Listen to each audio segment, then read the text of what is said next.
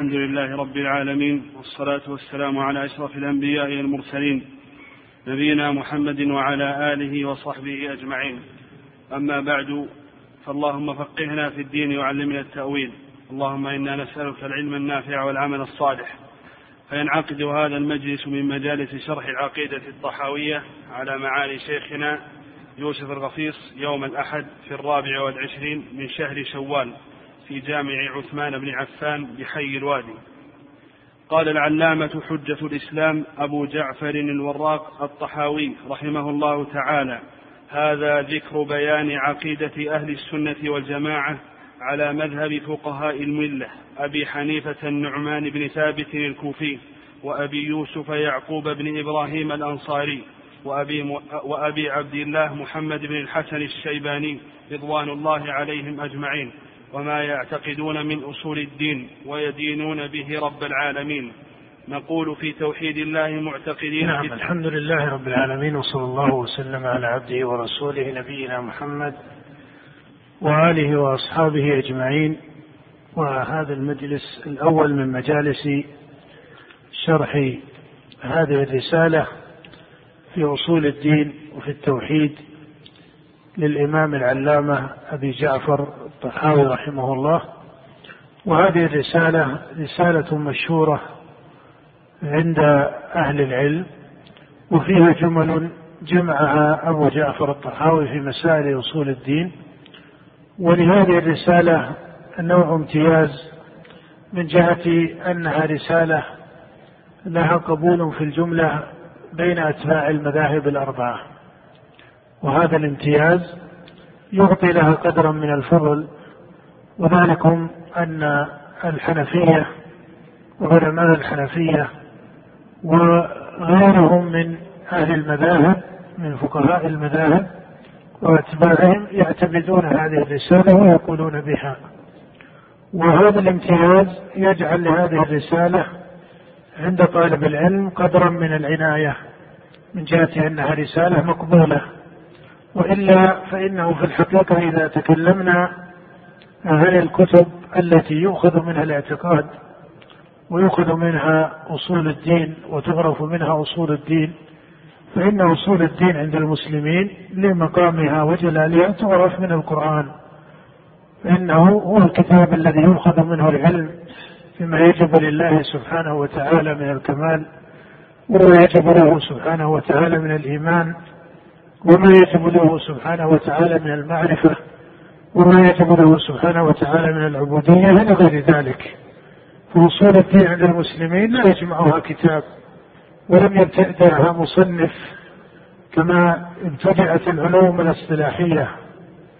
فيقال عن بعض علوم الاصطلاح إن فلانا من الأئمة أو من العلماء أو من أهل اللغة في علوم اللغة هو الذي ابتدع هذا العلم أو صنفه. أو رتبه أو ما إلى ذلك. فعلم أصول الدين أجل من هذا. وليس علما مركبا من مقدمات مستعملة حيث الاجتهاد والتركيب كعلم أصول الفقه. ونحوه فإن علم أصول الفقه مثلا هو علم كامل في دلالات الشريعة.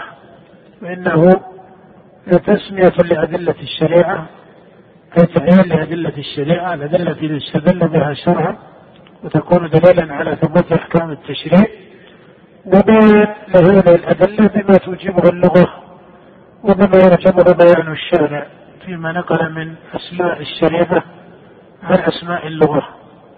ولكن هذا العلم وإن كان إنه كامل موجود في استعمال الصحابة رضي الله عنهم إلا أنه رتب بعد ذلك وصار له اصطلاح آه، منتظم ومعيار منتظم ومن هنا سمى الإمام الشافعي مثلا في هذا العلم. والذين نظرتهم في علوم اللغة. سموا فلانا من العلماء رتب هذا العلم أو ذاك. لكن علوم الشريعة الكبرى وأجل ذلك علم أصول الدين فهذا العلم ما يجمعه مؤلف ولم يبتدئه إمام. وإذا سمي أحد من العلماء والأئمة بأئمة بإمام أهل السنة والجماعة كما سمى الإمام أحمد رحمه الله بإمام أهل السنة والجماعة فهذه تسمية صحيحة ولكنها لا تعني ولا يراد بها بإجماع أهل العلم لا يراد بها أن إمامة أهل السنة والجماعة ابتدأت به ولا أنه أسس هذا المذهب ولا بدعه ولا أنشأه. ومن هنا فإن هذا المقام وهو مقام وصول الدين لا يصير به إلى إمام بعينه. الحق هو وقدره أنه مجمع عليه. بين الأئمة هذا الأصل فيه ولهذا صار الخروج عن هذا الإجماع بدعة وافتراقا مذموما في الشريعة وليس هو من الاجتهاد الذي صار على مورد القبول وأنه مصحح عند الأئمة كما هو في اجتهاد الفقهاء واختلاف أئمة الفقهاء في مسائل فروع الشريعة. وذلكم أن الشريعة أصول وفروع.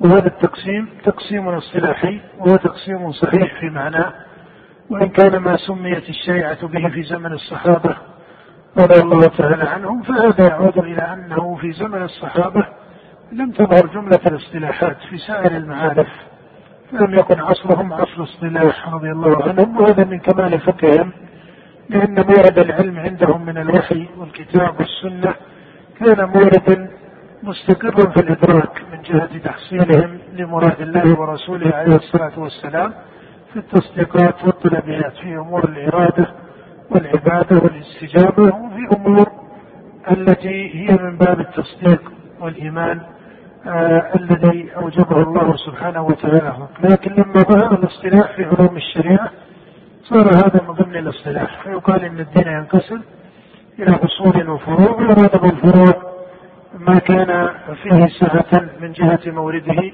وحكمه في الشريعة أو من جهة ثبوته. أو من جهة ثبوته فهذا يسمى فرعا.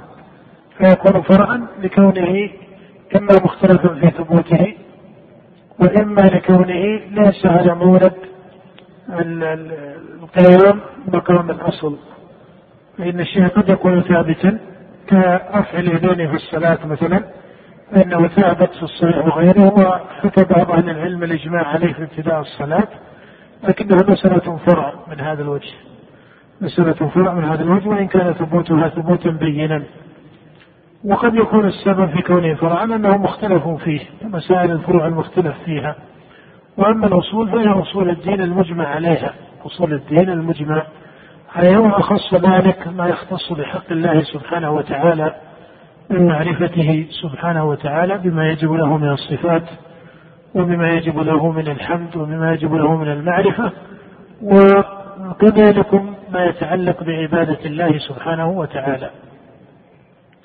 فهذا العلم لا يجمعه كتاب ولم يبتدعه عالم وإن كان العلماء رحمهم الله من علماء السنة والجماعة صنفوا في مسائل أصول الدين. وفي هذا تصنيف مشهور كالسنة للخلال والسنة لعبد الله بن الإمام أحمد وأصول السنة للإمام اللالكائي والشريعة للآجري وكذلك الإبانة لابن بطة وجملة ما كتبه العلماء بعد ذلك ومن يخص ذلك ما كتبه الإمام ابن تيمية رحمه الله في كتبه ورسائله. فمثل هذه الكتب ليست هي جمعا أو ابتداء لهذا العلم بل فيها استقراء لما ورده من القرآن والسنة وإلا حتى كتب المحدثين كما هو معلوم في مصنفات أئمة الحديث التي كتبت على طريقة الكتب تجدون كتاب التوحيد كما في صحيح البخاري وتجدون كتاب الإيمان كما في صحيح البخاري أيضا إلى غير ذلك.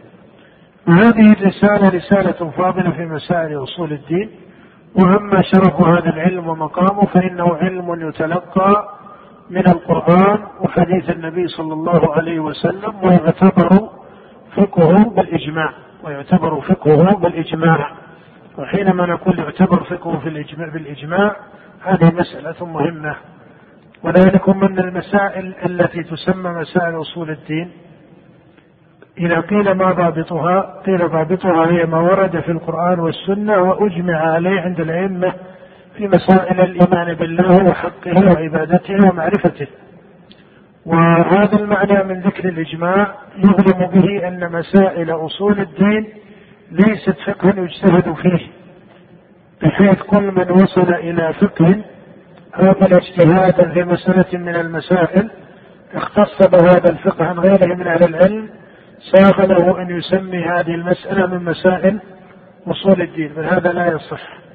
فذكر الإمام ابن تيمية رحمه الله أن هذه طريقة طائفة من متأخر المتكلمين المنتسبين إلى السنة والجماعة صاروا يسمون ما يصل إليه اجتهادهم واستقراءهم ونظرهم من المسائل يسمونه المسائل أو يلحقونها يلحقونها بمسائل أصول الدين وهي ليست على مقام الإجماع وإنما هي نظر يخطئ ويصيب فهذا لا يجوز. إنما مسائل أصول الدين هي المسائل المحكمة. المستقرة التي انعقد عليها الإجماع الصريح كالإيمان بالله وملائكته وكتبه ورسله واليوم الآخر والقدر خيره وشره ومعرفة حقه سبحانه وتعالى في عبادته ومعرفة حقه في صفاته وفي أفعاله وفي قضائه إلى غير ذلك. وهذه الجمل وأمثالها هي مسائل أصول الدين. وكذلك الإيمان بنبوة الأنبياء والإيمان بالكتب والإيمان باليوم الآخر وما يكون بعد الموت إلى غير ذلك هذه هي مسائل أصول الدين. التي درج فيها النص وتواتر فيها النص وأجمع عليها الصحابة رضي الله تعالى عنهم. وأما ما يعرض من الاجتهاد فهذا لا يجوز إضافته إلى الأصول. وإضافته إلى الأصول وهم من أوهام متأخر الطوائف وإن كان ربما عرض لبعض الفضلاء من متأخر الفقهاء اشتراك في ذلك فصاروا ينسبون مسائل إلى أصول الدين وهي ليست منه عند التحقيق. من الطريقة المحققة أن مسائل أصول الدين هي المسائل التي سبق الإشارة إليها. إذا هذه الرسالة رسالة فاضلة فيها جمع لجملة مسائل من مسائل أصول الدين وكتبها التحوي رحمه الله ولكنه استعمل فيها مقاما من الإجمال. استعمل فيها رحمه الله مقاما من الإجمال وهذا المقام من الإجمال في تعبيره رحمه الله عن بعض موارد الاختلاف بين المنتسبين للسنة والجماعة من الفقهاء والمتكلمين. جعل لهذه الرسالة قبولا ففيها قدر من الإجمال ومن هنا مال بعض من شرح هذه الرسالة بها إلى بعض طرق المتكلمين. فسر مراد ابن جعفر بمثل هذه الطريقة.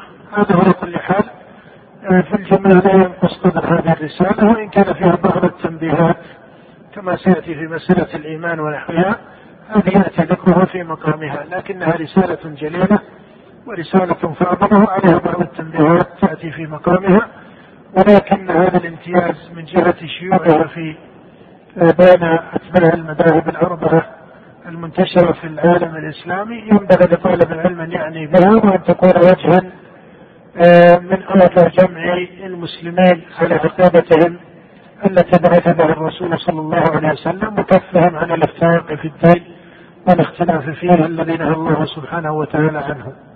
نعم. وأشار أبو جعفر رحمه الله إلى أنه كتب هذه الرسالة على أصول الملة والسنة على طريقة الإمام أبي حنيفة وصاحبه يعني أبا يوسف ومحمد بن الحسن الشيباني كما سماهما وتعلمون أن الإمام أبا حنيفة النعمان بن ثابت رحمه الله إمام فقيه مجمع على إمامته في الفقه ومجمع على إمامته في الدين والفضل والعلم والعبادة والإمامة في الدين. وإن لم يكن ذلك المشتغل كثيرا بعلم الحديث كأعيان أئمة الحديث كابن معين وأحمد وإسحاق وأمثال هؤلاء لكنه إمام منقطع النظير في الفقه. حتى قال الشافعي رحمه الله الناس في الفقه عالم على أبي حنيفة. فهو إمام مجمع على إمامته. وتبين على عقيدته هذا الإمام الفاضل الكبير. تبين على عقيدته بعض الطعن في بعض أوراق في بعض الكلمات بعض المصنفين في التاريخ. كما يذكر ذلك الخطيب البغدادي رحمه الله في تاريخ بغداد. ويذكر ذلك أحيانا بعض المصنفين من أهل العلم.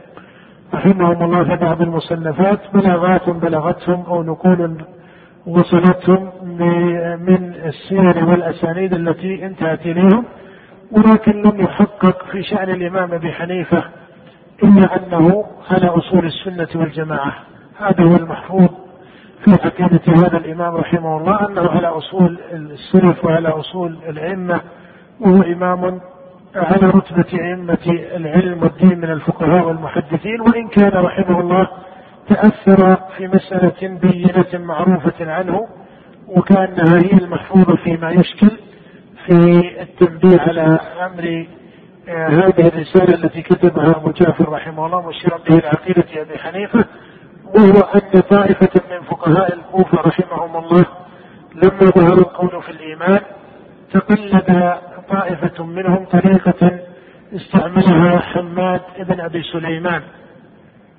وهذه الطريقة فيها أثر من قول المرجئة وضافت بعد ذلك ما عرفت به في الاصطلاح بقول مرجئة الفقهاء وسماها أهل المقالات بهذه التسمية مع أن أئمة الكوفة قبل حماد بن أبي سليمان لم يكونوا على هذه الطريقة فإن شيخه يعني شيخ حماد وهو إبراهيم النخعي إمام الكوفة المشهور كان على الطريقة التي عليها سواد الفقهاء وسواد المحدثين. لكن عرض لحماد بن أبي سليمان هذه الطريقة لما جعل العمل ليس داخلا في مسمى الإيمان وإن لم يكن حماد رحمه الله تعالى لم يكن على طريقة المتكلمين ولم يكن على طريقة المرجعة الغالية لكنه استعمل وجه من الإرجاء عرف بإرجاء الفقهاء بعد ذلك.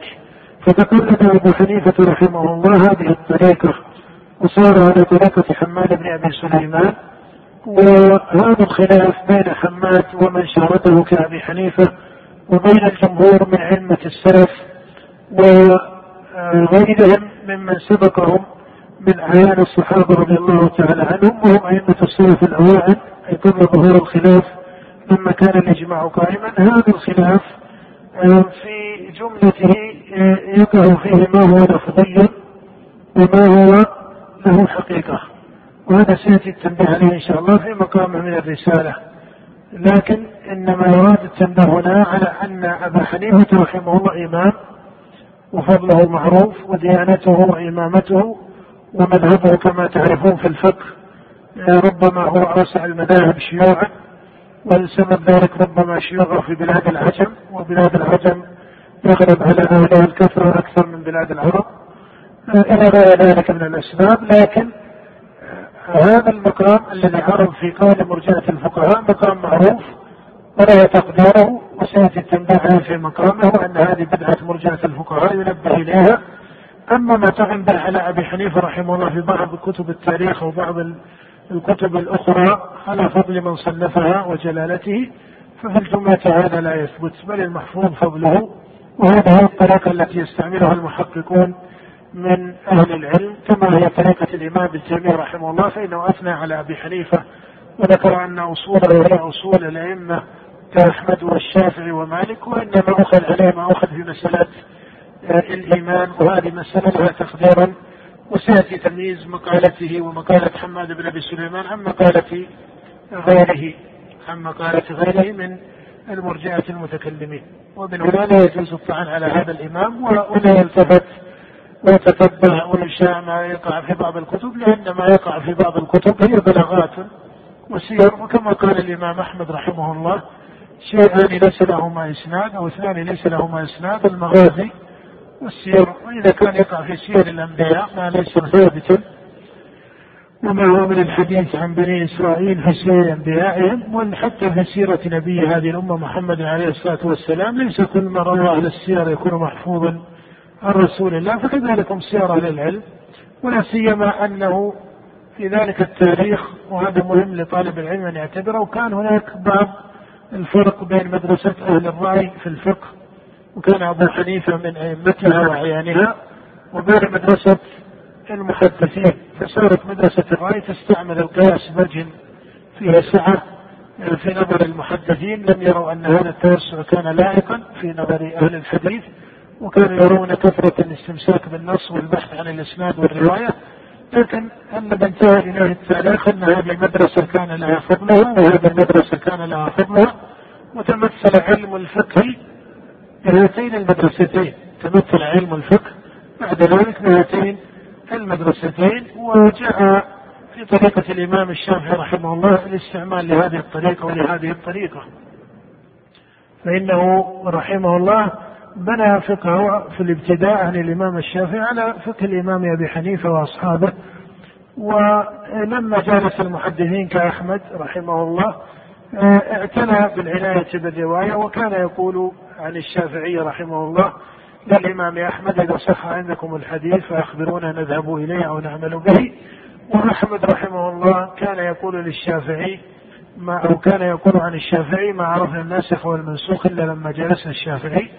فكان هذا هو اتصال العلماء بعضهم مع بعض. بلغت بلاغات إلى علماء الحديث عن بعض أهل الكوفة وخاصة عن أبي حنيفة لأنه كان له شأن وشيوع. آه، نقل إلى بعض كبار المحدثين بعض الكلمات أضيفت إليه ونسبت إليه وهو في الحقيقة بريء منها.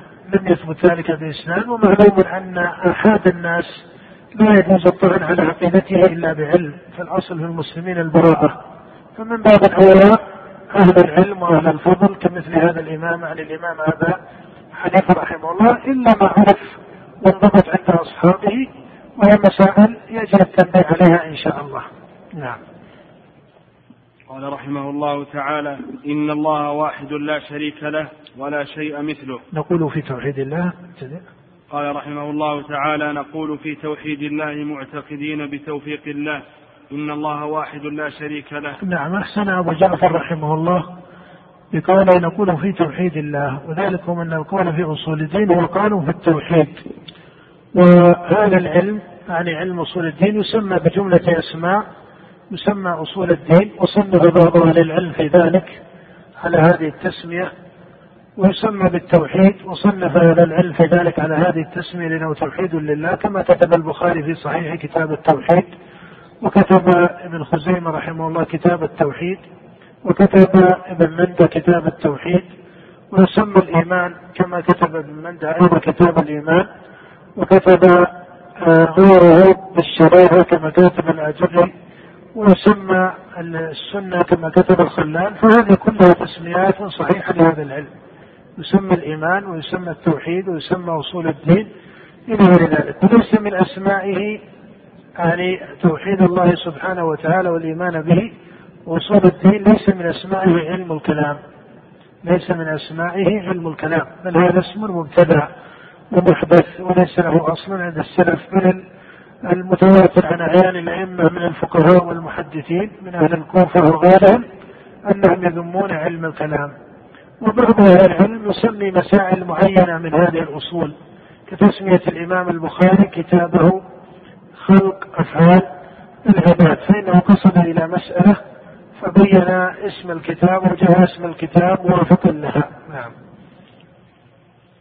قال رحمه الله تعالى إن الله واحد لا شريك له ولا شيء مثله ولا شيء يعجزه ولا إله غيره. نعم قال إن الله سبحانه وتعالى واحد لا شريك له وهذا يراد به عبوديته سبحانه وتعالى. وأن الله سبحانه وتعالى هو المعبود وحده سبحانه وتعالى.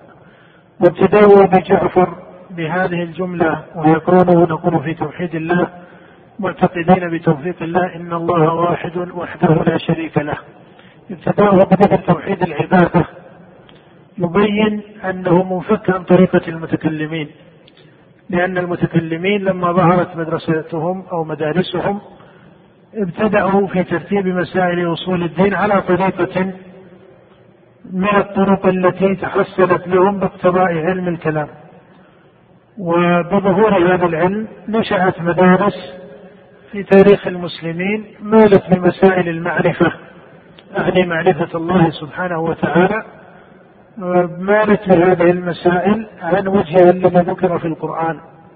إلى أوجه متكلفة في العقل وحصل عن هذه الأوجه المتكلفة في العقل أو الأوجه التي هي بأثر الفلسفة التي ترجمت في تاريخ المسلمين حصل بأثرها أنواع وأوجه من الانحراف عن الصواب.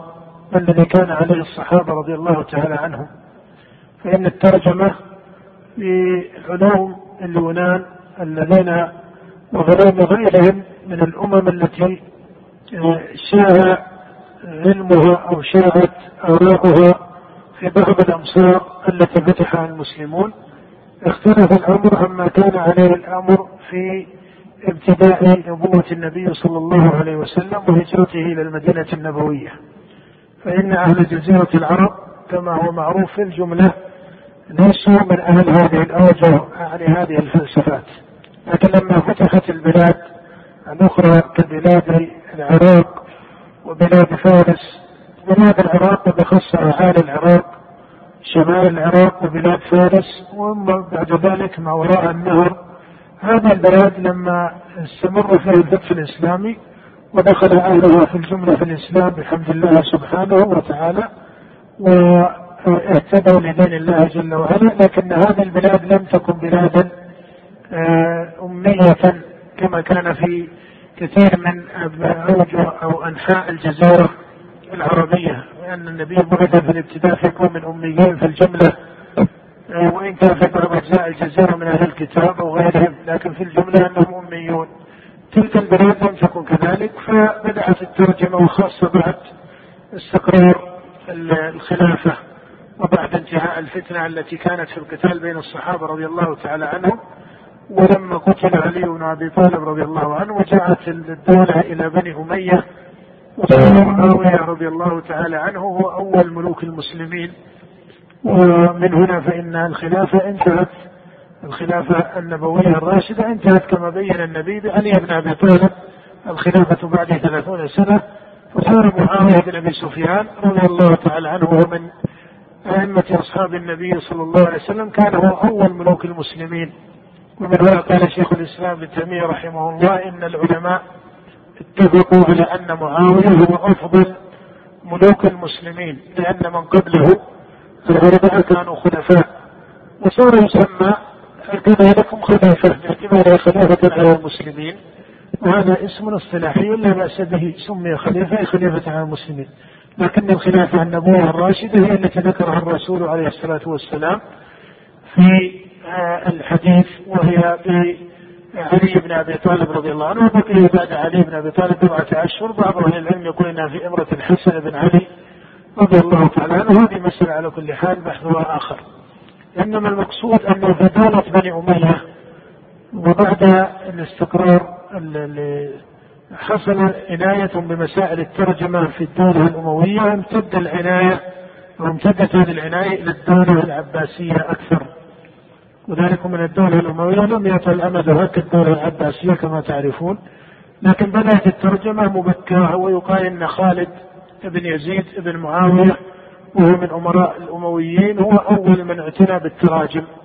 واعتنى بالترجمة وترجمت علوم من العلوم التطبيقية والعلوم النظرية إلى أن ترجمت المسائل الإلهية وهذا هو المشكل. واللي هو أن الترجمة للعلوم المتعلقة بالطب ونحوها هذا باب احتاجه المسلمون وكان لهم فائدة بينة منه. لكن الذي اختلط امره لما ترجمت العلوم الإلهية في فلسفة اليونان وبخاصة فلسفة اليونان المشائين أو ما يعرف بفلسفة المشائين من اليونان وتبنى قدماء من الفلاسفة هذا وظهر المتكلمون في البلاد العجمية. ظهر المتكلمون في بلاد العجم وصار أعيان من نظارهم يدعون إلى هذه الطرق التي سميت بعد ذلك علم. لما انتظمت سميت علم الكلام. وصار هناك تصنيف فيها. إلى أن تدرج هذا الاسم الذي ليس له تاريخ في اللغة العربية بصفته مركبا يعني إذا بحثت في القاموس العربي في قاموس اللغة أو بحثت حتى في القاموس العام غير العربي ستجد كلمة الفلسفة موجودة قبل الإسلام أليس كذلك؟ والفلاسفة موجودون في اليونان وفي الهند وفي الفرس وفي غيرهم من لكن علم الكلام بهذه الإضافة وبهذا التركيب ليس له تاريخ هذا الاسم بهذا بهذا بهذا التركيب أبدا إنما هو اسم نشأ وتكون في تاريخ المسلمين من من دولة الأمويين وما بعد دولة الأمويين. إلى أن أصبح علما له اسمه وله قوامه. وإلى هذا الحد إشكاله أقرب لكن بلغ إشكاله الدرجة لما صار هذا الاسم كأنه مطابق لاسم أصول الدين. حتى صاروا يسمون العقائد بإيش؟ بعلم الكلام. فصاروا يسمون العقائد بعلم الكلام وانطبع لدى المتكلمين أن علم الكلام هو معرفة العقائد الإيمانية بالأوجه العقلية كما يقال في تعريفه. والصواب أن علم الكلام علم مولد من الفلسفة. علم مولد من الفلسفة وفيه مقدمات عقلية ومقدمات من الشريعة. وإنما نقول فيه مقدمات عقلية ومقدمات من الشريعة لأن الذي استعمله من أهل الإسلام ومن طوائف المسلمين ومن أهل القبلة هم الذين رتبوه وبدعوه لكنه ليس دلائل عقلية محضة وإلا فالدلائل العقلية المحضة الصحيحة هي معينة في القرآن ومسمات في القرآن أوجهها وقواعدها ومقدماتها الكلية في قصص الأنبياء والرسل عليهم الصلاة والسلام وفي خطاب القرآن كقول الله عن إبراهيم وكذلك نوري إبراهيم ملكوت السماوات والأرض وليكون من الموقنين فلما جن عليه الليل كوكبا؟ قال هذا ربي. فهذا الخطاب من إبراهيم ومجادلته لقومه ومجادلته لأبيه يا أبت لم تعبد ما لا يسمع ولا يبصر ولا يغني عنك شيئا؟ هذا خطاب عقلي كما ترون وهو خطاب لمن ليس مستجيبا كأبيه وقومه. أيضا إبطال القرآن لعبودية العبادات الباطلة من دون الله أيضا جاء فيها الخطاب العقلي كقوله سبحانه واتخذ قوم موسى من بعده من حليهم عجلا جسدا له خوار. ألم يروا أنه لا يكلمهم؟ وهذا مناشدة لعقولهم. فإذا كان لا يكلمهم ولا يهديهم سبيلا فيكتب العقل هنا بطلان العبودية له. أليس كذلك؟ قال الله تعالى في مسألة البعث وضرب لنا مثلا ونسي خلقه. قال من يحيي العظام وهي رميم قال الله تعالى ويحييها الذي أنشأها اول مرة. إلى اخره فالاوجه العقليه الصحيحه موجوده في القران وفي خطاب النبي صلى الله عليه وسلم وفي كتب الانبياء قبل النبي صلى الله عليه وسلم فليس بين العقل والنقل تعارض ليس بين العقل وبين النقل تعارض انما علم الكلام ليس هو الادله العقليه انما هو علم مولد من الفلسفه وبخاصه فلسفه ارسطوطاليس وارسطوطاليس من فلسفه اليونان كما هو معروف وهو قديم قبل الإسلام وقبل المسيح ابن مريم عليه الصلاة والسلام ب 300 سنة وكان وزيرا للإسكندر المقدوني من اليونان في بلاد اليونان ولم يكن موحدا على دين سماوي. لم يكن على دين سماوي وإنما كان فيلسوفا يتطلب الحكمة والفلسفة ومسائل الإلهيات بفلسفته وبالطرق الفلسفية التي استعملها. وترجمت آثار هذه الفلسفة وآثار غيرها من الفلسفات الأخرى. آه، إلى أن أيضا استعمل الترجمة عن الفلسفة الإشراقية التي صارت سببا لضلال غلاة الصوفية. صارت سببا لضلال غلاة الصوفية. فذلكم أن الفلسفة في التاريخ. إما أن تكون فلسفة عقلية وإما أن تكون فلسفة نفسية تجريبية إشراقية. وذلكم أن الفلاسفة ينظرون إلى أن الإنسان فيه قوة العقل وفيه قوة النفس. فمنهم من بنى فلسفته على النفس وتجريدها وإشراقها وفهمها إلى غير ذلك ومنهم من بنى فلسفته على القياس والعقليات. فهاتان فلسفتان قبل الإسلام كانت شائعة في بلاد العجم خاصة وبعض البلاد التي أصبحت الآن من ضمن البلاد التي من بلاد العرب لكن ممتدة في بلاد ما وراء النهر وبلاد فارس وما وراءها. إلى غير ذلك الذي تأثر في تاريخ المسلمين تأثر بهذا وهذا. ومن هنا ظهر فلاسفة في تاريخ المسلمين اشتهروا بالفلسفة ومن أعيانهم يعقوب بن إسحاق الكندي. يعقوب بن إسحاق الكندي هذا تأثر بالفلسفة العقلية أكثر. وظهر بعده أبو نصر الفارابي وأبو نصر الفارابي فلسفته فيها بعض التركيب إلى أن جاء من يسمى بشيخ الفلاسفة الإسلاميين وهو ابن سينا الحسين ابن عبد الله بن سينا وكان عجميا ولم يكن أيضا منتميا إلى مذهب فقهي معروف إنما كان مشتغلا بالطب وبعض العلوم ومشتغلا بالفلسفة اشتغالا معروفا وبنى فلسفتين الفلسفة العقلية والفلسفة النفسية.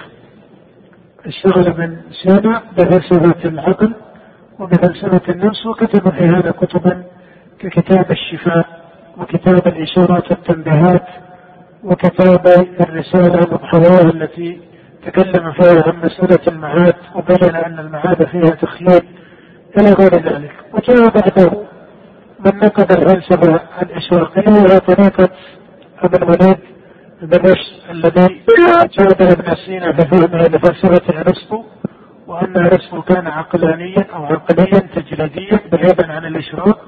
وتبنى أبو الوليد بن رشد الطريقة الفلسفية العقلية المجردة. ولم يؤمن ابن رشد بطريقة الصوفية أو بالإشراق الصوفي أو مثل هذه الأوجه من الفلسفة التي تبناها ابن سينا. ربما يعود السبب لأن ابن سينا نشأ باطنيا وأهل بيته كانوا من الباطنية. في الأساس وخليفة بن رشد فإنه نشأ في بيت العلماء من علماء المالكية رحمهم الله. وصحبة الفقهاء على مذهب الإمام مالك وأصبح هو أيضا فقيها في مذهب الإمام مالك وسكن فيه. بسم الله الرحمن الرحيم. أبا الحديث والصلاة والسلام على أشرف ما كتب وصل إلينا من كتبه في الفقه المالكي وهو كتاب في الجملة مقارن لكن فيه عناية لمذهب مالك أكثر وهو كتاب بداية المجتهد ونهاية المقتصد وله تصنيف في علوم أخرى ولعل مما نبدأ به بعد هذا الدرس تصنيف بن رشد في أصول الفقه في رسالة مختصرة انتزعها من جمل أبي حامد الغزالي رحمه الله. أن أبا حامد من أيام من كتب في أصول الفقه كما هو معروف. على كل حال هذا التكون لعلم الكلام والإشارة هذه الفلسفة معها المتكلمون وأصبح هناك علم الكلام على يد مدرسة قامت واشتهرت وهي مدرسة المعتزلة.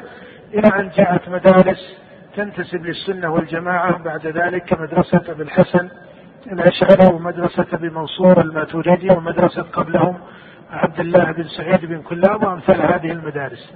ليس لدينا وقت أو عناية في مثل هذا الدرس الذي يراد به الاختصار في شرح العقيدة الطحوية إلى أن ندخل في موضوعات هذه المدارس أو أو شأنها إنما نريد أن نصل إلى أن علم الكلام لشيوعه وذي وقيل مدارس عليه ليس هو مطابق لعلم أصول الدين.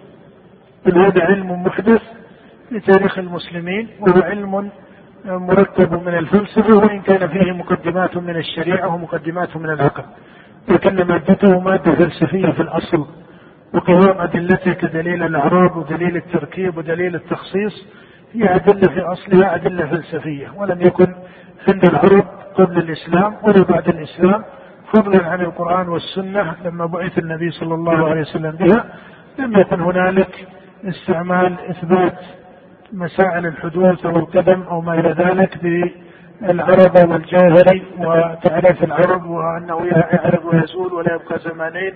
على طريقة متكلمة أهل الإثبات في تمييزهم لمذهبهم عن مذهب المعتزلة مثل هذه الطرق بينوا أنها محدثة وصارت سببا لضلال كثير من الناس عن صفاء العقيدة المطابقة للقرآن والسنة.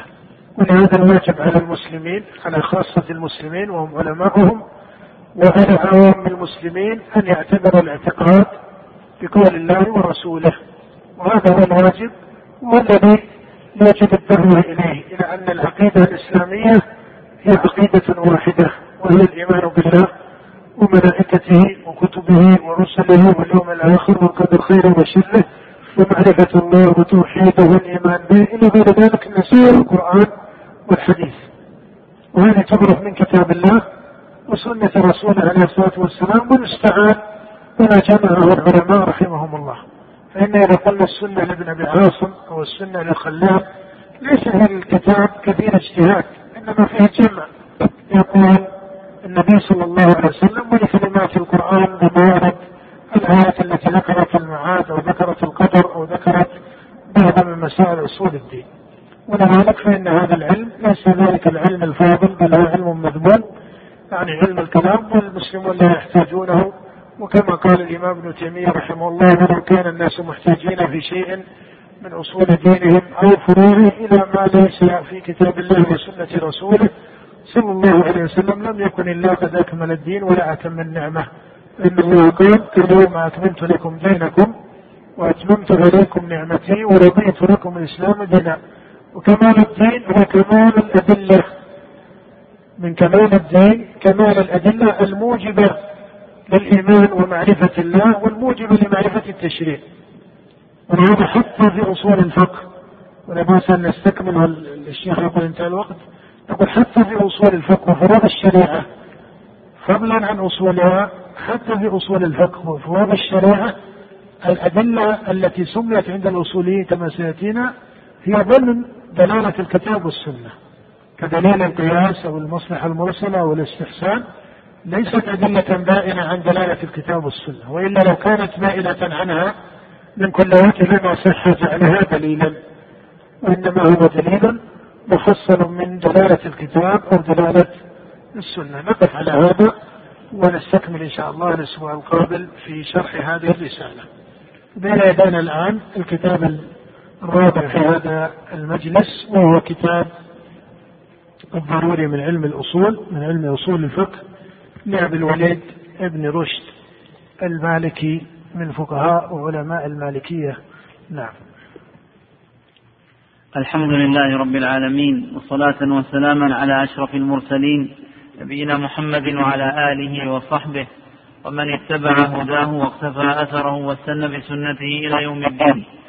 أما بعد فينعقد هذا المجلس في شرح كتاب الضروري في أصول الفقه لأبي الوليد محمد بن رشد بن رشد الحفيد مع معالي شيخنا الشيخ الدكتور يوسف الغفير في الرابع والعشرين من شهر شوال لعام واحد وثلاثين وأربعمائة وألف في جامع عثمان بن عفان رضي الله عنه بالرياض. قال ابن رشد رحمه الله تعالى أما بعد حمدا لله معلم البيان وموجب النظر والاستدلال ومختص الإنسان بإقامة الحجج البالغة وضرب الأمثال والصلاة على محمد خاتم الرسل ونهاية التمام والكمال. فإن غرضي في هذا الكتاب نعم الحمد لله رب العالمين وصلى الله وسلم على عبده ورسوله نبينا محمد. هذا مختصر في علم أصول الفقه وهو علم شريف ومن أصول علوم الإسلام ويبنى عليه فقه الشريعة ومعرفة أحكامها وهو معيار الاستدلال ومعيار الاجتهاد في فقه الشريعة. وذلكم أن هذه النصوص التي أنزلها الله في كتابه وهي كلام الله سبحانه وتعالى. أو كلام النبي صلى الله عليه وسلم لا يجوز لأحد أن ينظر فيها بمحض عقله المجرد بل لا بد من معيار شرعي يتوسط بين العقل البشري المجرد وبين هذه النصوص. وهذا التصوير لا بأس أن نستعمله حتى يعرف الثمرة الصادقة من علم أصول الفقه.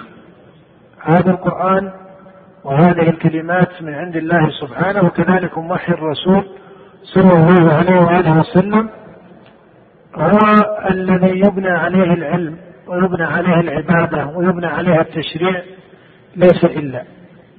وهذه كما تعرفون نزلت على المكلفين. وامتاز التكليف بالعقل ولهذا إذا ذهب العقل إيش؟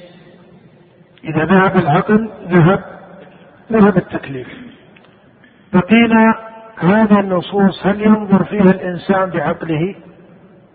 الجواب أن التخرص في دين الله لا يجوز كما هو معروف وما هو وجه امتياز أهل العلم عن غيرهم من العامة أو عن غير أهل العلم مع أن هؤلاء عقلاء وهؤلاء عقلاء وجه الامتياز أن أهل العلم امتازوا بهذا بمعرفة القرآن ومعرفة السنة من جهة كونها كلمات الله وكلمات نبيه صلى الله عليه وسلم وامتاز أهل العلم بمعرفة المعيار الذي هو متوسط بين هذه النصوص وبين عقل البشر حتى لا يقال في النصوص بمجرد الظن لأنه لو كان الإنسان يقول بعقله بحسب فهمه دون معيار علمي شرعي معتبر لكان هذا القول علما أو ظنا. لكان هذا من الخرص والظن الذي ذمه الله في مثل قوله إن يتبعون إلا الظن. ولهذا لا يجوز القول في دين الله إلا لمن كان عارفا وإلا فقد قال الله تعالى ولا تكف ما ليس لك به علم. علم أصول الفقه من جهة فروع الشريعة هو العلم الذي يتوسط بين الدلائل الكتاب أو السنة بين النص وبين العقل عند الناظر ليكون علما مرتبا لمعيار النظر في كلمات الوحي أو في القرآن وحي النبي أو في القرآن. حتى لا يقال في القرآن بمجرد الظن أو بمجرد الوهم ولا يقال في السنة كذلك. ومن هنا لا بد أن يكون أو يفقه علم أصول الفقه على هذه الرتبة. وإنما قربته على هذه اللغة لأن هذا العلم لما صنف فيه غلب أن المصنفين فيه الذين كتبوا كتبا وصلت وتداولت في القرون المتأخرة إلى أن وصلت إلينا أغلب من كتب فيهم علماء نظموا مدارسهم في الابتداء على طريقة المتكلمين. فتأثروا بصياغة علم الكلام ونظامه ومعياره آه، ولذلك ربما يكون الناظر اليوم من كثير من الطلاب أو الأكاديميين في علم أصول الفقه كانه يأخذ علما نظريا لا يستطيع أن يطبق هذا العلم الإضافي لأنك تقول علم أصول الفقه فهي أصول للفقه بمعناه الاصطلاحي فيجب أن يكون هذا معيارا يطبقه الفقيه أو الناظر في الفقه. لكن إذا جئت وجدت أن ثمة انفكاكا بين علم الأصول وبين علم الفقه بمعنى أن كثير ممن يدرس أصول الفقه لا يستطيع أن يستعمل هذه الدراسة استعمالا صحيحا إذا قرأ في الفروع الفقهية. من السبب في ذلك أن هذا العلم أخذ شكلا نظريا مطولا. ولماذا أخذ شكلا نظريا مطولا؟ من دواعي ذلك أن الذي كتب فيه لم يكتب فيه على الطريقة الفقهية. بقي على الطريقة الكلاميه. وإن كان يقسم التصنيف فيه تقسيما مشهورا وهو ما يعرف أن علم أصول الفقه كتب على طريقتين طريقة المتكلمين وطريقة الفقهاء ويجعلون طريقة الفقهاء هي الكتب التي كتبها آه، كثير من علماء الحنفية هذا التقسيم على كل حال موجود في كتب المناهج البحث وكثير من الباحثين يعتمده ولكنه ليس ذلك الدقيق. صحيح أن الأحناف في كتب أصولهم الفقهية يعنون بالفروع وجمعها وتسميتها وتنزيل وتحسين الأصول من جهتها والفروع على كل حال في مذهب الأحناف أكثر منها في مذهب غيرهم هذا صحيح. لكن حتى كتب الحنفية الكاتبون لها أكثرهم من نظار متكلمة الحنفية. بل إنهم علم أن علم الكلام أكثر ما دخل في الحنفية أكثر ما دخل على علماء الحنفية وأصل مدرسة الكلام الأولى كمدرسة هي مدرسة المعتزلة. والمعتزلة ما انتسبوا لا إلى مذهب الشافعي في الفقه ولا إلى مذهب الإمام أحمد من باب أولى ولا انتسبوا حتى لمذهب الإمام مالك. المعتزلة كان لهم نظرهم الفقهي وطائفة من المعتزلة لها اجتهاد واتباع لمذهب أبي حنيفة بمعنى أن خلقا من المعتزلة وعيون من علماء المعتزلة منتسبون في فقه الشريعة وفروعها لمذهب الإمام أبي حنيفة رحمه الله. ومذهبه أوسع المذاهب التي انتسب إليها. انتسب لأبي حنيفة من أهل السنة وهم الصواب وانتسب لأبي حنيفة من المعتزلة وانتسب لمذهبها في الفقه من هو على طريقة المتكلمين المنتسبين للسنة من أشعرية أو ماتريدية انتسب له لفيف من الناس في مذهبه الفقيه رحمه الله وهو انه اوسع المذاهب شيوعا. فالمقصود أن هذا يجعل هذا العلم فيه بعض الأغلاق أحيانا وهذا كأنه صار علما على هذا العلم أنه علم منغلق. وكأن ال ال ولا بأس أن نقول هذا الكلام ونبسطه بهذه اللغة حتى نعرف لماذا ندرس هذا العلم سواء من هذا الكتاب أو فيما بعد. صار الحاذق هو الذي يستطيع أن يتنقل لغة الأصوليين وأن يتقن لحفظها فقط. هذا ليس كذلك. علم الأصول هم نظار الأصوليين لما يكتبونه يقولون إنه مستمد من علوم ويجعلون أول علم يستمد منه علم أصول الفقه. كما يذكر ذلك العامدي يذكر ذلك الغزالي يذكر عامة الأصوليين الذين هم نظار يقولون أنه مستمد من علم الكلام. أليس كذلك؟ فإذا هو بني على الطريقة الكلامية من جهة نظمه. هذا أشكل. ولو قارنتم ما كتبه الإمام الشافعي رحمه الله وهو عند أكثر الناظرين في هذا العلم يقولون هو أول من كتب في هذا العلم. وإن كانت هذه الجملة في نظري ليس لها أهمية علمية.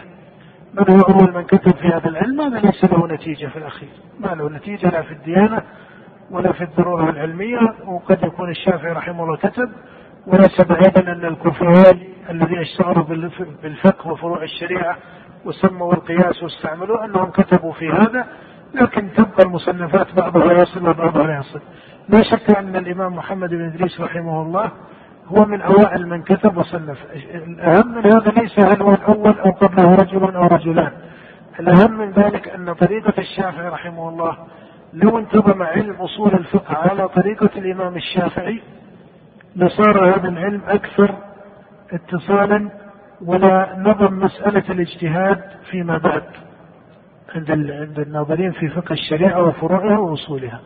ولذلك إذا قرأتم في الرسالة تجدون أن الشافعي يستعمل فهم اللغة المقاربة المألوفة عند العرب وإن كان فصيحا متين اللسان رحمه الله على فصاحة العرب لكن ليس فيها استعمال لغة المتكلمين. والشافعي كما هو معروف ممن ذم علم الكلام وهذا محفوظ عنه عند أصحابه حتى صرح أبو حامد الغزالي وهو من المتكلمين وهو شافعي على مذهب الشافعي في الفقه صرح أن الشافعي حفظ عنه الذم لعلم الكلام ولكنه تأول ذم الشافعي لعلم الكلام بما تأوله به يعني أبا حامد. إنما المقصود أن طريقة الإمام الشافعي رحمه الله لو استمرت وكثر التصنيف على هذا لكان علم الأصول آه، آه، تناوله وأخذه مقارب لعلم الفقه. من جهة أنه علم يحصل الدخول عليه بطريقة مناسبة وميسرة. لكن غلب بعد الإمام الشافعي أن الذي تبنى الكتاب فيه هم كبار المتكلمين حقيقة. لأنهم وإن كانوا متكلمين باعتبار التأصيل الأول إلا أنهم فقهاء في مذاهبهم الفقهية سواء كان حنفيا أو شافعيا أو مالكيا أو أخذ عنهم كبعض الحنابلة الذين لخصوا من بعض الكتب. ليس معنى هذا أن علم أصول الفقه لم يكتبه إلا المتكلمون أبدا. كتبه كتب فيه الفقهاء من الحنفية والفقهاء من الشافعية والحنابلة والمالكية ليسوا على طريقة علم الكلام وكتابتهم في هذا محررة ومعروفة.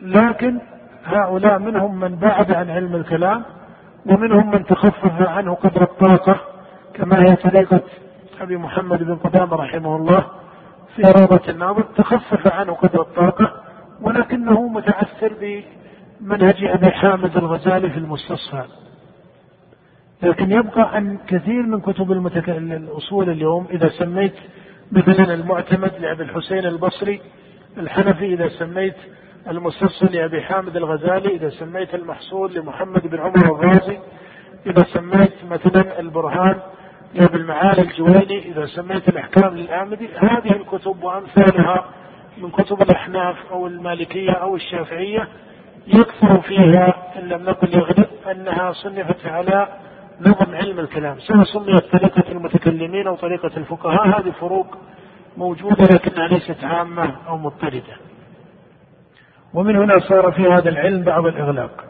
لكننا نذكر في الابتداء أن هذا العلم حقيقته أنه العلم المتوسط بين العقل وبين إيش؟ النظر في فروع الشريعة. بين العقل وبين النظر في فروع الشريعة، حتى في فروع الشريعة ونقيدها بفروع الشريعة لأن أصول الدين كما سبق معنا ليس فيها مادة اجتهاد، إنما هي تصديق واتباع واقتداء في مسائل أصول الدين، لكن هنا جاء دليل القياس جاء دليل الاستصحاب جاء دليل المصلحة المرسلة جاء الاستحسان إلى آخره. كما تعرفون تكلموا عن البيان من جهة دلالة الأمر ودلالة النهي ومقتضى الخطاب إلى آخره. هذه تفاصيل إن شاء الله نعرض على الإشارة والتنبيه عليها بحسب ما يذكره أبو الوليد بن رشد في هذا الكتاب. فإذا هذا قدر هذا العلم أنه علم شريف لكن ينبغي أن يكون على هذا القدر من الإدراك أنه معيار النظر في الشريعة. والفقيه أو الأصول بحق؟ هو الذي يستطيع أن يفهم هذا العلم على هذه الصفة؟ وعلى هذه القاعدة ربما مما يغلقه ربما مما يغلقه أن الأكاديميات في العالم الإسلامي اليوم آه، علم أصول الفقه وعلم الفقه تنتظم في كلية مختصة وعلم الكلام باعتباره علما طارئا ليس له في بعض الدول تسليم أو أو أو, أو تأميم وكما مثلا عندنا في المملكة. وهذا هو المنهج الصحيح لأن علم الكلام كما قلنا علم محدث وأصول الدين هي القرآن والسنة أو تؤخذ من القرآن والسنة فليس المسلمون بحاجة إلى علم الكلام الذي ابتدعه من ابتدعه في التاريخ. حتى في بعض الأكاديميات في بعض في العالم الإسلامي اللي تدرس علم الكلام بصفته هو العلم الذي يمثل العقائد إلى آخره. هناك تباعد بين المختصين في هذا والمختصين في مسائل الشريعة ولهذا يقال هذا متخصص في الفقه هو أصول الفقه وهذا متخصص عندهم في بعض الدول في علم الكلام. هناك انفصال ولذلك لغة المتكلمين في كتب الأصوليين لا تكون معروفة لمن لم يدرس علم الكلام. هذا هو السبب في انغلاق كثير من أسمائه كثير من مصطلحاته كثير من طريقة نظمه إلى آخره. لكن يبقى أن طالب العلم يحاول أن يحرر هذا العلم إلى حقائقه العلمية الصحيحة المعتدلة ويكون معتدلا في هذا التحرير. وأقصد بكلمة يكون معتدلا في هذا التحرير أي أنه لا يبالغ لا يبالغ في وسم كتب علم أصول الفقه التي كتبها المتكلمون بأنها آه، مليئة بعلم الكلام وبعقائد علم الكلام أو أو ليس فيها تحقيق لا بل فيها تحقيق كثير. هذه الكتب هذه كتب أصول الفقه. التي كتبها المتكلمون فيها تحقيق كثير وفيها مادة علم أصول الفقه مادة قوية جدا ومحررة لكن صحيح أنها بحاجة إلى التحرير من بعض العلائق الكلامية لأنهم بنوا بعض المسائل الأصولية على مقدمات في العقائد أو مقدمات من علم الكلام كنزاعهم في مسألة التحسين والتقبيح العقليين بين الأصوليين كما هو معروف وربما نصبوا الخلاف في مسألة التحسين والتقبيح العقليين هل العقل يحسن ويقبح أم أن التحسين والتقبيح شرعيا محض تجدهم أحيانا ينسبون الخلاف في كتب أصول الفقه بين الشافعية الذين يجعلون التحسين والتقبيح شرعيا محض والحنفية القائلون بأن التحسين والتقبيح عقلي. مع أنه عند التحقيق هذه المسألة هي مولدة من علم الكلام. والخلاف ليس بين الإمام الشافعي ولا بين أئمة أصحابه وبين أبي حنيفة وأئمة أصحابه. إنما هو خلاف بين طائفة من المعتزلة أو بين المعتزلة وبين الأشعرية أتباع أبي الحسن الأشعري. لما كان الأشعري متكلما منتسبا للسنة والجماعة متمذهبا بمذهب الإمام الشافعي وكتبت أصول الشافعية من قبل علماء في مذهب الإمام الشافعي وهم علماء في مذهب ابن الحسن الأشعري دخل هذا التداخل. وكذلك لما كتب مذهب الحنفية وهم معتزلة انتقلت مادة المعتزلة إلى بعض موارد الحنفية من هذا الوجه. هذه الأمثلة لا تعني أن كتب أصول الفقه مليئة بهذا النفس وأن كل مسائل أصول الفقه هي على هذه العتبات. لا بل كتب أصول الفقه حتى التي كتبها المتكلمون مليئة بقواعد الأصول الفقهية ومليئة بالتقرير الأصول المتين وترتيب الأدلة وترتيب الدلالات واقتضاء الخطاب والترجيح وترتيب كتاب الاجتهاد وغيرها من المسائل والاستنباط إلى آخره. لكن هذا يجمع معه طالب العلم الناظر حسن التحرير وتمييز المسائل التي هي من علائق علم الكلام عن المسائل التي هي ليست كذلك.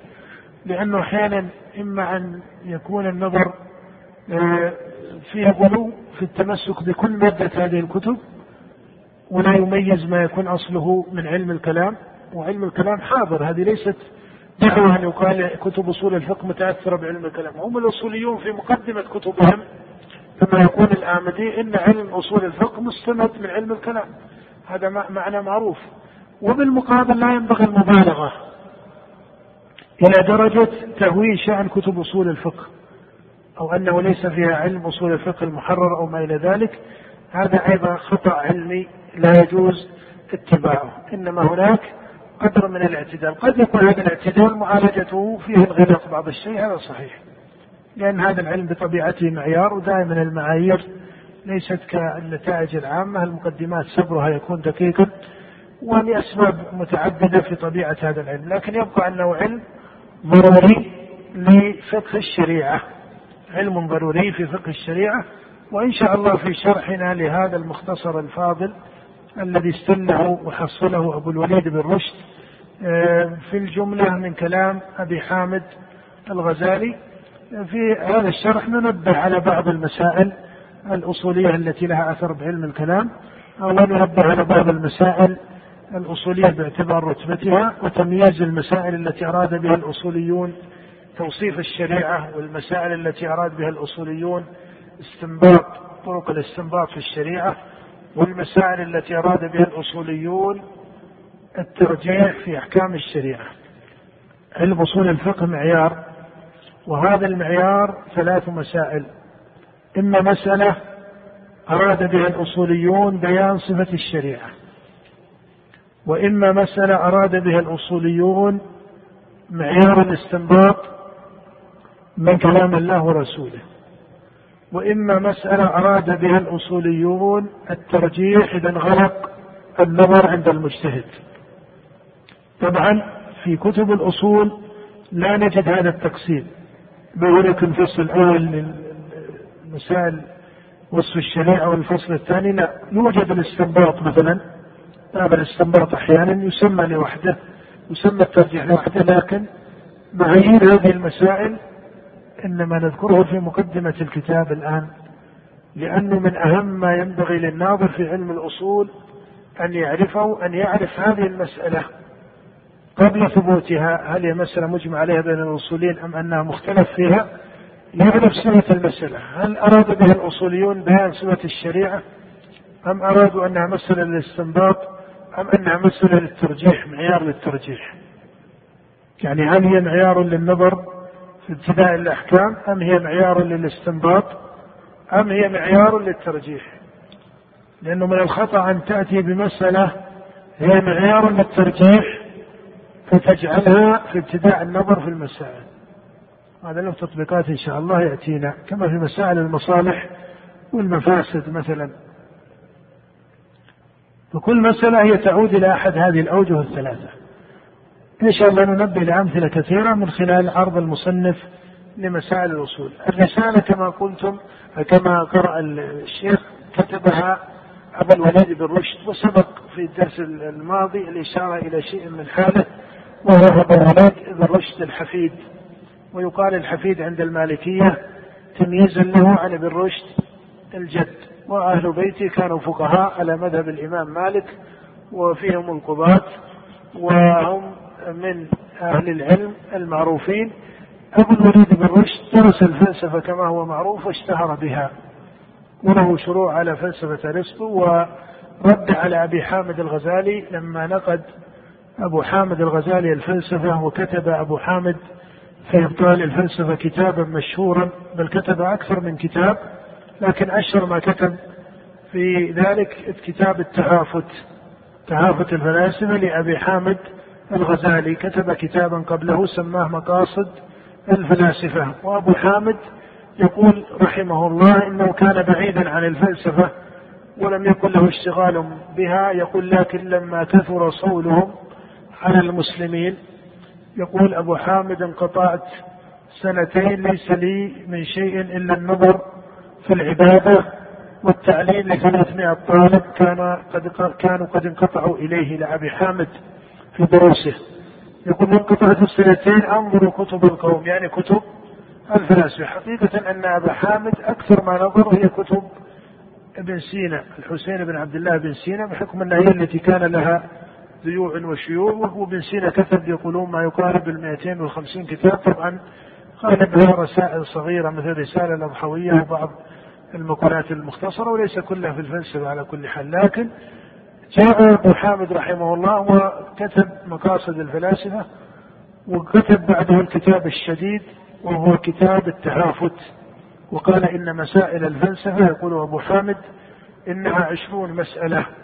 ظلوا في سبع عشرة مسألة منها ولكنها يقول مسائل لا توجب الكفر. يقول أما في ثلاث مسائل فإنها توجب الكفر. في تقريره ثم ذكر هذه المسائل.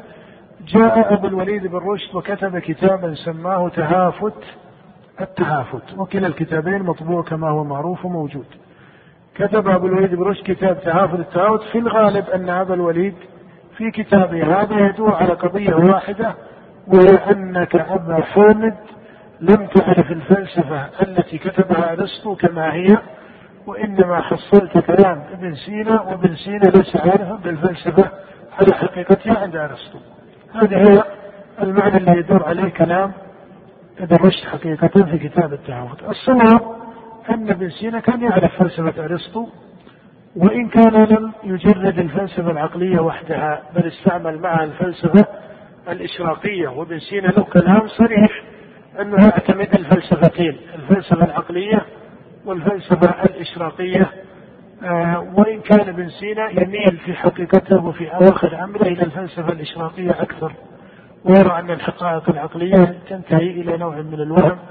على تعبيره ولهذا قال في بعض كتبه التي كتبها على الطريقة العقلية يقول وما ذكرناه في هذا الكتاب يعني على الطريقة العقلية فهو جريا على عادة المشاعين يقول ابن سينا وما ذكرناه في هذا الكتاب فهو جريا على عادة المشاعين ويقصد بالمشاعين فلسفة أرسطو لأنه هو وأتباعه كانوا يسمون أو يلقبون بهذا اللقب. يقول فهو جريا على عادة المشائين. يعني فلسفة أرسطو طاليس. قال وأما يقول ابن سينا وأما الحق الذي لا جمجمة فيه فهو ما أودعناه في الحكمة المشرقية. ويقصد بذلك فلسفة الإشراق. التي تبناها كصوفي أو على منهج ولاة الصوفية. هناك رجال من الصوفية تبنوا فلسفة التصوف وفلسفة الإشراق وحده وتباعدوا عن الفلسفة العقلية من كل أوجهها كمحي الدين بن عربي صاحب الفتوحات المكية وصاحب فصوص الحكم. ابن رشد على عكس هؤلاء اعتمد الفلسفة العقلية وحدها. هذا مهم أن نعرفه بإجمال لا نريد أن ندخل في تاريخ هؤلاء الرجال. أو في فلسفتهم أو في الفلسفة ودرسنا بعيد عن ذلك. إنما فقط حتى يكون متبين لدى القارئ لهذا الكتاب كتاب الضروري من هو مؤلفه؟ مؤلفه فيلسوف ولكنه آه، متدين بمذهب أو متمذهب بعبارة أصح متمذهب في الفقه بمذهب إمام معروف وهو الإمام مالك وكتب في مذهبه ما كتب مما سبق الإشارة إليه ولذلك تجدون أن لغة هذا الكتاب لغة تقوم على المعيار. على المعيار الفلسفي وبخاصة أن ابن رشد بخاصة أن ابن رشد يقول إن إن المعيار الصحيح هو البرهان وأن كل المدارس الكلامية استعملت معيار الجدل وليس معيار البرهان. على كل حال هذه دعوة ليست على إطلاقها لكن يبقى أن أسلوب ابن رشد هنا أسلوب في نوع من المعيار المنضبط في التعبير عن الحقائق آه، التي لها معنى. آه، ننتهي من مقدمته حتى الأسبوع القادم إن شاء الله نبدأ في أول المسائل. في المقدمة تنبيهان يسيران التنبيه الأول آه، في قوله حمد لله سبحانه وتعالى إلى آخره حمد الله معروف وذكره سبحانه وتعالى. هذا ترى عادة المؤلفين والعلماء به. إنما التنبيه في قول أبي الوليد بن رشد موجب النظر. في قوله موجب النظر. هل الله سبحانه وتعالى أوجب النظر؟ هذه من المعاني التي درج عليها الفلاسفة المنتسبين لهذه الملة أو فلاسفة الإسلام أو الفلاسفة الإسلاميين ودرج عليها المتكلمون في الجملة فقالوا بأن النظر واجب على المكلفين. وقالت المعتزلة بأن النظر هو أول واجب على المكلف. ولما جاء أبو الحسن الأشعري وترك طريقة المعتزلة قال أول واجب على المكلف هو المعرفة. وإذا قيل المعرفة عنده بما تحصل قال إنها تحصل بالنظر. فكأنه ما خرج عن الخلاف السابق أو عن القول السابق. وقال بعض أئمة الأشعرية القاضي أبي بكر بن الطيب الباقلاني وهو من حفاظ المتكلمين في مذهب الأشعرية وصنف في كتبهم ونظم المذهب الأشعري في أوائل أمره وبخاصة في كتاب كتاب التمهيد. يقول الباقلاني بأن أول واجب على المكلف هو أول جزء من النظر و أو يقول القاضي أبو بكر هو القصد إلى النظر هو القصد إلى النظر. وقال طائفة من المتكلمين هو أول جزء من النظر. وهذه الأقوال كما يذكر الرازي وغيره من المتكلمين وكما حققه من المحققين الإمام تيمية رحمه الله. هذه الأقوال بين الطوائف ليس هناك خلاف في الحقيقة إنما هي مادة واحدة. من قال أول واجب النظر هو مطابق لقول من قال أول واجب المعرفة باعتبار أن النظر هو الدليل لها.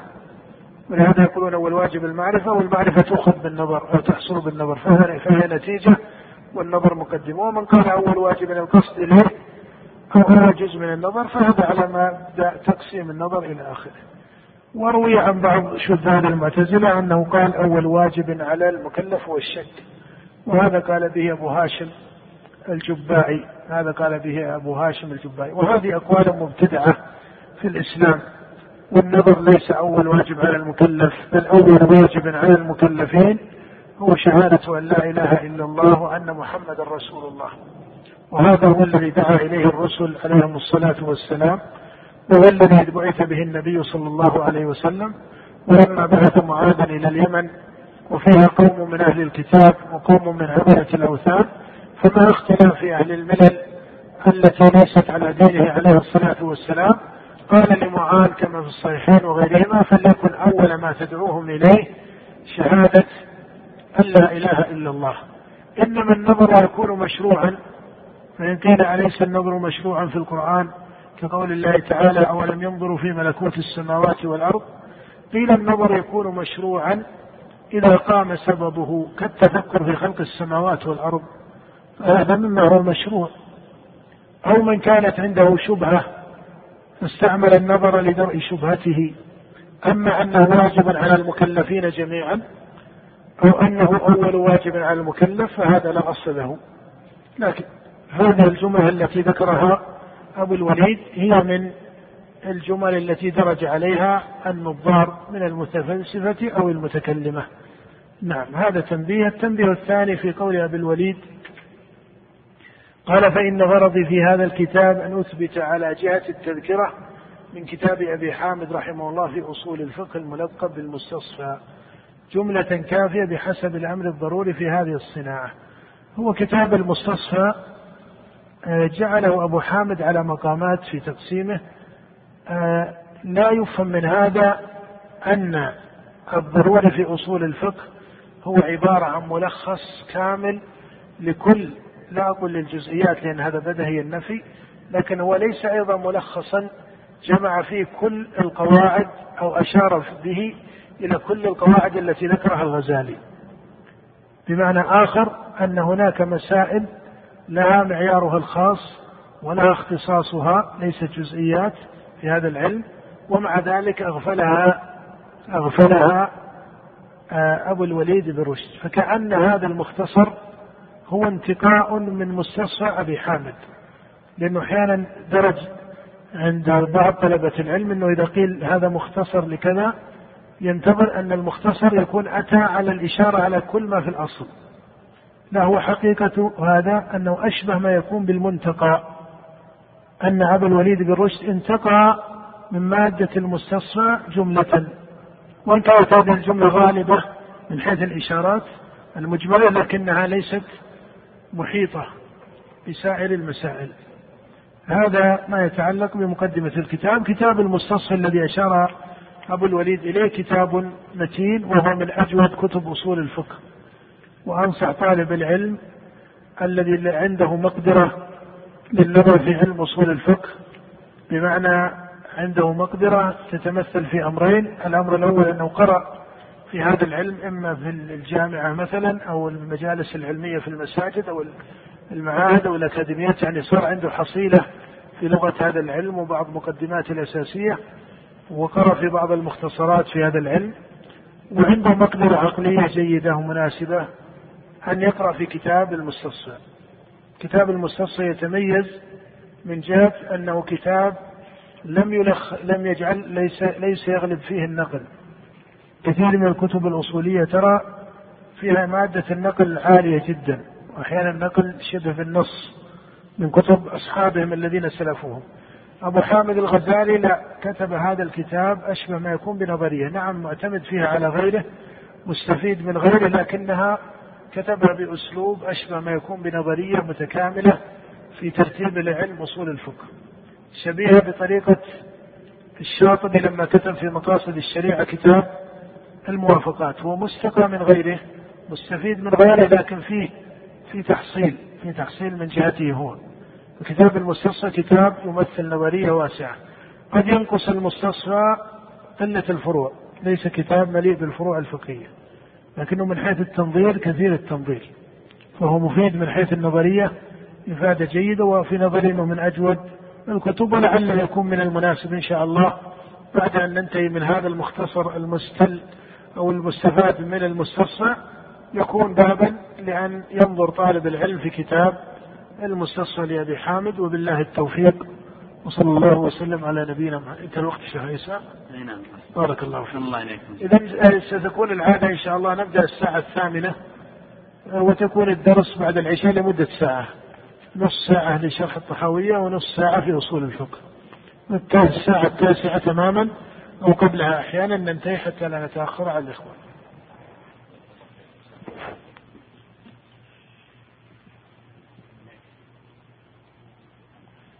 هذا المجال.